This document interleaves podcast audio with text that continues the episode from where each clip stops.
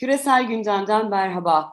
Cumhurbaşkanı Recep Tayyip Erdoğan uzun süredir Türkiye gündeminde de yer edinen Vladimir Putin ile ikili görüşmesine nihayet gerçekleştirdi. 29 Eylül'de Cumhurbaşkanı Recep Tayyip Erdoğan Soçi'ye gitti ve burada Rusya Cumhurbaşkanı Vladimir Putin'le bir araya geldi.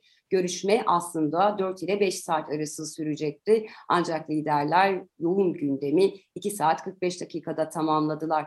Profesör Doktor İlhan Uzger'le birlikte bu hafta Erdoğan'ın Soçi seferini, burada konuşulanları, aslında konuşulmayanları, bunun Türkiye dış politikasındaki yerini ele almaya çalışacağız.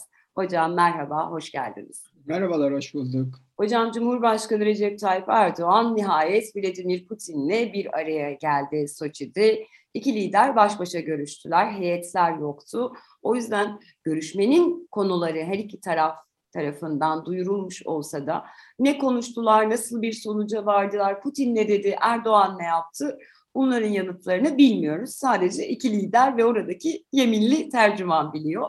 Öncelikle isterseniz bu zirveyi bir genel olarak ele alalım. Bu Türk dış politikasındaki dinamiklere de değinerek siz bu zirveyi nasıl değerlendiriyorsunuz? Yani şimdi şöyle söyleyeyim, e, bir sürü noktada çok sorunlu. Yani aşağı yukarı artık hani bu da bizim programın şeyi oldu, sabitesi oldu. Böyle yani çok eleştirel gidiyoruz ama e, böyle somut... Övülecek de ama... pek bir şey kalmıyor hocam. Övülecek olsa niye övmeyelim yani? E, ya evet yani tabii görevimiz sonuçta hani şey değil, hani övmek değil. Bir, bir yanlış gördüğümüzde onu güzel bir bütünü evet. anlamaya çalışmak. Şimdi çok yanlış var ve enteresan bir şekilde her düzlemde yanlış var. Şimdi diplomasi tekniği açısından baktığınızda yani tuhaf bir şey. Cumhurbaşkanı geçen gün işte bir fotoğrafı var falan. Basket atıyor Cumhurbaşkanı. İbrahim Kalın paylaşmış. Sonrasında oturmuş. Yanında spor bakanı var. Yani hani böyle anlatabildim mi? Ee, şimdi görüşmeye gidiyorsunuz. Yani Putin'le görüşmeye gidiyorsunuz. Yanınızda Dışişleri Bakanı yok. E, bu çok güvenlik ağırlıklı bir şey e, konu Savunma var. Savunma Bakanı yok. Savunma Bakanı yok. E, Putin ağzını açıyor. İşte öncesinde ticaretten söz ediyor iki tarafta falan. Ticaret Bakanı yok. Hani kim var? E, Fahrettin Altun var. Yani ne işe yaradığı biliniyor. Biliniyor. Hani Hakan Ama şey, Hakan olması gerekiyor mu? Soru işareti. Hakan Fidan var. İbrahim Kalın var. Yani şimdi bunlar şey değil ki yani kabine değil bir şey değil. Yani sonuçta biri işte iletişim dairesi bilmem nesi falan. Dolayısıyla burada, burada bir sorun. İkincisi e sen niye gidip duruyorsun? Hani bırak biraz da Putin gelsin. Hani bu bir dış pol yani diplomaside bir mütekabiliyet vardır. Karşılıklılık ilkesi vardır. Yani e, Rusya Türk askerlerini vuruyor. E, koşu koşu ayağına gidiyorsun. Evet Üçüncüsü, hatırlatalım hocam isterseniz izleyicilerimizi. En son Cumhurbaşkanı Recep Tayyip Erdoğan 5 Mart 2020'de Moskova'ya gidip evet. İdlib'e dönüp bir anlaşma için Vladimir Putin'le görüşmüştü. Hı hı. Onun ardından aslında mütekabiliyet esası gereğince Vladimir Putin'in Ankara'ya ya da Türkiye'ye gelmesi gerekiyordu ama e, Erdoğan yeniden gidip Soçi'de kendisiyle görüştü. E, zamanlama olarak yanlış çünkü Rusya'nın tercih edeceği bir zamanlama bu. Yani şeyi vurmaya başlamış e, yalnızca e, cihatçıları değil Türkiye'nin desteklediği diğer grupları da Afrin'e doğru e, yoğunlaştırmış. E, Erdoğan da Biden'dan yüz bulamamış. Şimdi böyle bir ortamda e, Putin'in ayağına gidiyorsun. Bu zaten çok e, daha nasıl söyleyeyim zayıf bir pozisyondan müzakereye başlamak demek. Hani bunda dış politika ve pardon Tabii aslında Birleşmiş Milletler toplantısında düşük bir ihtimal olmakla birlikte e, Biden'la Erdoğan'ın bir araya gelmesine dönük bir ihtimal yani, söz konusu. En az bir, bir fotoğraf vermek istedi. Kısa bir görüşme bile olsa kopartabilmek istedi. Olmadı. E, şimdi bunlar olmayınca e, gidiyorsun e, şeye e, koşu koşu Putin'in yanına gidiyorsun. E, şimdi demek ki senin yani ittifak sistemi içinde e, iyi durumda değilsin. Zayıf durumdasın. Yani desteğin yok. Ee, işte Birleşmiş Milletler e, Genel Kurulu'nda konuşma yaparken belki Biden'la görüşebilirim diye Kırım meselesini gündeme getiriyorsun. O olmayınca Biden'a kızıyorsun. Bu sefer Putin'le görüşmeden önce S-400 e, havucu uzatıyorsun falan aklınca alabilecekmiş gibi falan. E, o yüzden de bir, bir e, çıkışta bir şey yapmıyorsun. Putin önceki görüşmede yani görüşme öncesinde daha doğrusu işte görüşmelerimiz e, kolay geçmiyor gibi bir mesaj veriyor. Hiç şeydi, kaba bir davranış aslında normalde. Daha önce de bu tür şeyleri yaptı, bekletti falan biliyorsun Putin. Tabii. E, dolayısıyla elinde çok fazla araç var. Bunu Türk-Amerikan ilişkileri için söylüyorduk. Yani Amerika'nın elinde çok fazla araç birikti diyorduk. Rusya'nın elinde de öyle. Şimdi sen daha iyi biliyorsun. Doğalgazdan, e, Türk sebze meyvesinden, e, işte turistine, e, İdlib'e, işte Azerbaycan, işte Karabağ'daki e, şey karayolu bağlantısına, e, bilmem Libya'ya e, çok fazla şey birikti. Belki de işte IŞİD'le ilişkilerle ilgili elindeki dosyalara falan. Yani Putin'in de elinde Türkiye'ye karşı çok fazla şey birikti, araç birikti ve bu, bu, bu, bu Türkiye şerine doğru hani diplomasi mantığına doğru geçersek bir dengeleyici olarak kullanmak istiyor gibi görünüyor. Fakat hani böyle dengeleyicilik olmuyor, e, işlemiyor. Evet, hocam aslında oraya biraz tekrar izleyicilerimize de hatırlatırsak, e, Trump döneminde yaygın bir biçimde bunu gördük. E, Türkiye ABD'ye karşı özellikle Suriye'de Rusya'yı, Rusya'ya karşı ABD'yi kullanıyordu. Siz de söylemiştiniz aslında bir ipte iki cambaz oynatıyor. Ama bu kapılar bazen aynı anda kapanırsa e, Türkiye ortada kalabilir diye. Şimdi sanki burada bir tekleme artık vardı ama daha görünür mü olmaya başladı? Yani şu, tabii ki söylüyorum. Ee, bir dengeleyici olarak kullanma şeklinde bir sorun var. Yani şöyle Batı ile çok sorunluysanız, Batı'dan dışlandıysanız Rusya'yı iyi bir dengeleyici yapamazsınız. Çünkü zayıf kalırsınız. Şöyle söyleyeyim, dengeleyici olarak kullanıyor ama kazanarak değil, hep vererek dengeleyici olarak tutmaya çalışıyor. Problem bu. Ee, tabii Rusya tutar Türkiye'yi. Erdoğan tutuyor. Niye tutmasın? Erdoğan gibisini bulamaz Rusya kolay kolay. Ee, ama e, çok kendisinden ve Türkiye'den veriyoruz. İşte iki buçuk milyar dolara S-400 alıyorsun. Ondan sonra F-35 projesinden çıkart, çıkartılıyorsun. Şimdi bu tür bedeller ödüyorsun. Ya da gidiyor canını yakıyor e, Suriye'de. Şimdi böyle dengeleyicilik olmaz. Dengeleyici Batı ile ilişkilerinde sorun çıktığında e, seni daha çok kollamasını beklersin. Oysa o da sana daha yüksek bazen daha yüksek pazarlıkla e, gelebiliyor. O yüzden de dış politika mantığında da sorun var bu. Ha bu şuna yarıyor. Erdoğan'ı iktidarda tutmaya yarıyor. Bunu keşfetti. Yani Putin Erdoğan iktidarda kalmasını tercih ediyor. Hani bu, bu, bu bunu anladıktan sonra e, bizim dış politika mantığı olarak kurguladığımız, anladığımız şeyin bir önemi kalmıyor zaten Erdoğan rejimi açısından. O diyor bakıyor hani ikili ilişkiyi kuruyorum. Buradan sonra ben devam ederim diyor. Şimdi işin e, içeriğiyle ilgili de hani e, bazı sorunlar var. Bir yani şimdi İdlib politika, Suriye politikasının kendisi en baştan itibaren yanlıştı. Çok ağır bedel ödedik ve ödemeye devam ediyoruz. Biz de ödedik, Suriye halkı da ödedi, yani bu bir bir ülke bir komşusuna ancak bu kadar zarar verebilir. Hala inanamıyorum. Cumhurbaşkanı konu açık, açıklaması var. İşte Suriye ordusu, ordu, ordusundan diyor işte tehdit bilmem ne. Yani yani kim kimin yani Türkiye Suriye'nin ülke Suriye'de asker tutuyor. Yani Suriye Türkiye tehdit oluşturuyor diyor. Ya yani inanılır gibi bir e, dil değil. İkincisi e, İdlib politikası. Tamam biz bunu ne, yap, ne, ne için yaptığını biliyoruz. Amerika ile birlikte Suriye'yi zayıf bir Suriye'yi zayıflatma siyasetinin bir parçasıdır İdlib. Oradaki cihatçı radikal cihatçıların e, koruma altına alınması Türkiye'nin Türkiye Cumhuriyet tarihinin en yanlış politikalarından bir tanesidir.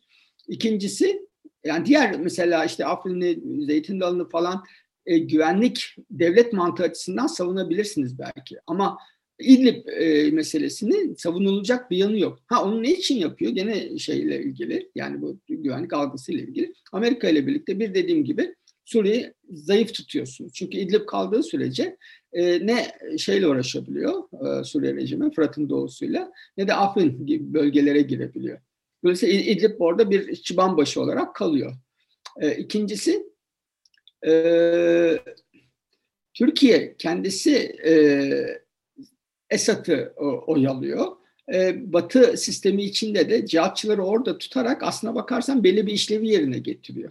Yani kimse almak istemiyor onları. Dolayısıyla bu Putin'le kurulan ilişkinin mantığı da bu sorunu e, Rusya'ya ödünler vererek mümkün olduğunca ötelemek. Çünkü bir sorunu uz uzatırsanız e, kalıcılaşmaya başlıyor. E, yani mesela Türkiye Afrin'de bir 20 yıl daha kalsa iyice kalıcılaşır. E, İdlib böyle kalsa hani ha Ruslar muhtemelen bunu gördüler. Evet. E, ve bunun kalıcılaşmasını istemiyorlar. Ve şu an inanılmaz bir pazarlık oluyor. Ben bunu hakikaten anla, tuhaf da buluyorum. E, pazarlık da şu. Türkiye e, komşu bir ülkenin iki şehri arasındaki yolu açık olup olmamasını Rusya ile konuşuyor. Yani Halep'le Laski arasındaki işte o Medet Otoyol denen orası işte cihatçıların Türkiye'de güya bunun kontrol şeyini sağlayacaktı. E, güvenli geçişini sağlayacaktı. Yani inanabil, inanılır gibi bir şey değil aslında pazarlık değil. Yani Suriye evet, rejimi hocam, hatta İdlib konusunda işte dünkü görüşmeden sonra Rusya basınında Türkiye'nin İdlib'den çekileceğine dönük iddialar vardı. Ama e, yine duruma baktığımız zaman aslında İdlib anlaşmasına göre şimdi tabii bu bir iddia tartışılmayı hak ediyor. M4 yolunun zaten kuzeyinde konuşlanması gerektiği hatırlatılıyor Türkiye'ye. Bir iddia da bu yönde yani çekilme değil anlaşmaya göre sınırının yeniden hatırlatılması. Ha, o, tabii ki e, şeyde işte ılımlı muhaliflerle radikalleri ayıracak yani olmayacak bir tahayyül inanılır gibi değil. Yani oradaki radikal cihatçılar adına e, Rusya'ya taahhütte bulundu. Bir de Suriye ile ilgili bütün mesele Rusya ile halletmeye çalışıyor falan. Yani neresinde tamam re, re, realitede Rusya çok önemli ve ağırlıklı orada ama yani bu şeyin e, kurgunun her her noktasında ciddi sorunlar var. Şimdi radikalleri ılımlardan ayırmanın imkanı yok. Yani bunu nasıl evet. yapacaksınız? Yani bütün oradaki 30 bin cihatçı, iki Tugay şey asker gibi dizip hani radikaller e, sağ... radikaller bir adım öne mi değil? Ya da Kur'an'a el basın bakalım. Ben radikal nereden, değilim mi diyecekler. Yani bu nereden dediğiniz gibi mümkün değil. Bunu bu, burayı tutabilmek için e, habire oraya asker, şey yapıyor. Askeri askeri yığınak yapıyor Türkiye e, bir komşu ülkeye ve radikalleri koruyor, korumaya çalışıyor. Şimdi askeri açıdan da çok ciddi sorunlar var burada. Bir, e, şimdi komşu bir ülkedesiniz, tamam Türkiye sınırına çok yakın. E, fakat mesela S-400 aldı Rusya'dan, hiç kullanamıyor. Yani şimdi inanılmaz bir şey. Yani Türkiye şu anda e, dört ülkede askeri operasyonlarda, faaliyetlerde bulunuyor. Ve bunların hiçbirinde şey yok. Oysa mobil sistem bunlar. Yani kamyon. Hocam iki buçuk milyar dolara galiba boru aldık diye. E, boru aldık. Yani şey Antakya'ya götürmen gerekir. Yani ne bileyim işte Irak operasyon Irak'a götürmen gerekir. Ya da e, Karabağ Savaşı'nda şeye götürmen gerekir. E, Ağrı sınırına götürmen. Şu anda bile e, S4 S400'lerin yerini bilmiyoruz bile aktifler mi değil mi? Evet, onu Akıncı, Akıncı da hangarda olduğunu tahmin ediyoruz. Evet. Olan, e, İkincisi e, yine askeri açıdan ki bu emeklilerin e, şeylerin e, generallerin emekliliğini erken emekliliğini istemesinin altına yatan nedenlerden biri olduğu söyleniyor.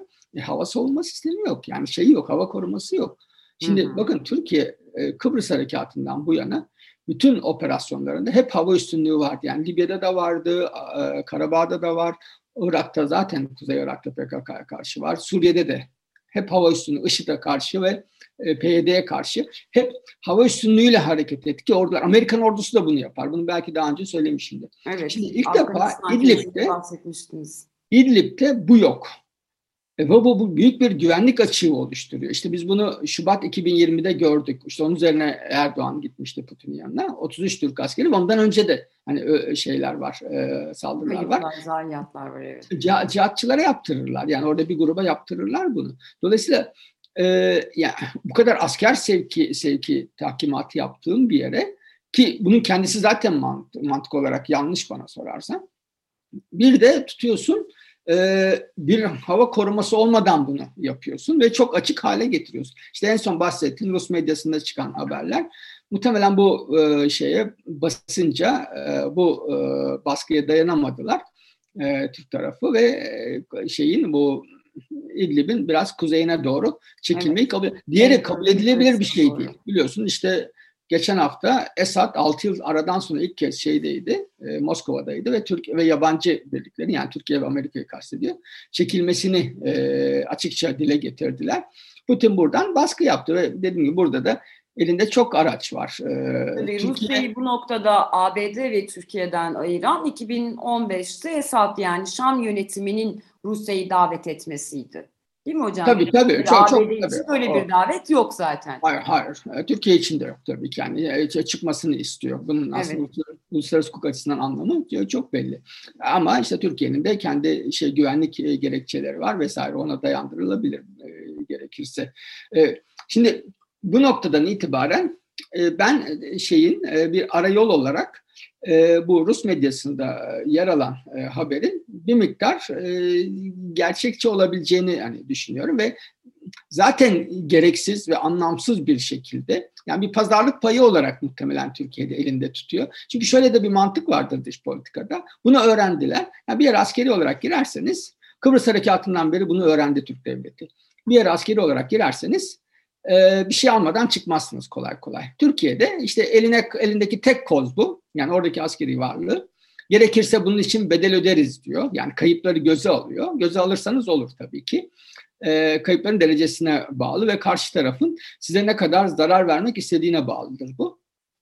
Türkiye'de muhtemelen ya işte doğalgaz indirimi alacak ya işte Libya'da bir şey alacak falan ve bunun karşılığında da şeyi e, biraz e, o M4 otoyolunun yani kuzeyine doğru çıkmaya e, kabul etmiş olabilir Türkiye. Bunu zaman içinde göreceğiz. Yani sonuçlara bakarak e, göreceğiz. Çünkü bu bir rejim için, bir ülke için kabul edilebilir bir şey değil. Yani e, Halep, Laskiye M4, Halep, Şam M5 açık olması gerekiyor tabii iki büyük şehrini birbirine bağlayan yolların. Şimdi bu e, cihatçılar bilmem şey yapıyor, e, işte Rusları ateş ediyor, şeyi ateş ediyor. Türkiye'nin şikayeti var, e, işte o da PYD'yi Münbiş'ten çıkarmadın diyor Rusya'ya. Evet bu da bu da bir pazarlık e, konusu. Muhtemelen bunu da söylediler ama Türkiye'nin şu anki koşullarda hani böyle bu türden e, talepleri Rusya'ya dikte edebilecek bir konumu yok. Daha çok hani soft, e, daha yumuşak, ikincil alanlarda Rusya e, Türkiye'nin istediği bir iki şeyi verir. Erdoğan'a desteğini sürdürür. Ama e, şey İdlib artık muhtemelen Suriye ve Rusya için kabul edilebilir ve sürdürülebilir olmaktan çıkıyor. Çünkü kaldıkça yerleşiyor. O yüzden de Türkiye'yi sıkıştırmak için bazen cihatçıları bazen de Türk askerlerini vuruyorlar mesaj vermek istediklerinde. Bu Türkiye'nin en büyük yani Türkiye Cumhuriyeti tarihinin en büyük e, güvenlik açıklarından biri oldu e, İdlib. Evet peki hocam bu güvenlik açığının e, dediğimiz gibi bir dengeleme politikası oluşturuyor Türkiye, ABD ile Rusya arasında. Şimdi ABD yetkilileri de dünkü zirveyi büyük ihtimalle yakından takip ettiler. Ee, özellikle İdlib'de kendisine dönük bu blokaja doğru giden baskı karşısında ABD ile süreci nasıl etkilenir? E, Amerika sessiz ve derinden Türkiye'yi burada destekler. Hani bunu, bunu hiç açıklamadılar. Yani biz Türkiye'de İdlib'in pozisyonu destekliyoruz gibi. Bunu neredeyse hani e, aynı dili konuşan iki müttefik gibi e, davranıyorlar İdlib'de. E, çekilmeden memnun kalmazlar. Sonuna kadar Türkiye'ye yani orada kalması için muhtemelen destek olurlar.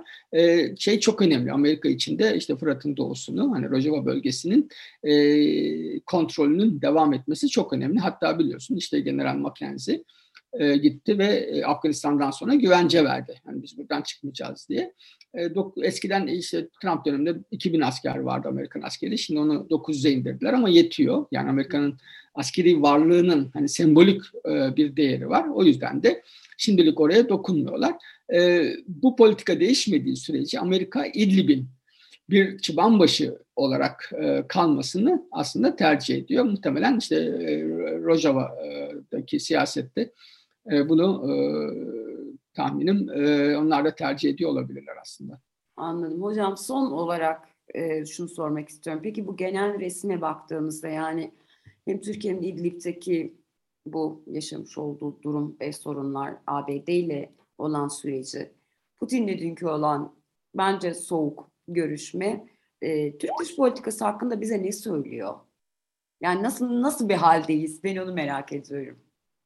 Çok zor bir haldeyiz. Uzun süredir bunu söylüyoruz. Hani günü kur, günü kurtarmaya dayalı e, elindeki araçların çoğunu tüketmiş çok fazla e, itibarı ve saygınlığı kalmamış, e, çok kısa erimli, e, sıkışık bir, yani çok dar alanda e, röveşata yapmaya çalışan, e, kurumsallığını yitirmiş e, bir liderin ve lider çevresinin ikbaline odaklanmış bir dış politika süreci yaşıyoruz. Her yerden çok rahat e, sıkıştırılabilir. Yani şimdi bir Rusya'nın önüne gidiyorsunuz. Şöyle bir örnek vereyim. Rusya'nın önüne gittiğinizde ekonominiz iyi durumda değil. E, oy kaybediyorsunuz. Enerji açığınız var. Doğal Enerji açığı, tabii do- doğal gazda her an bir zam yiyebilirsiniz. Çünkü dünyada doğal gaz fiyatları yükseliyor. Avrupa'da özellikle.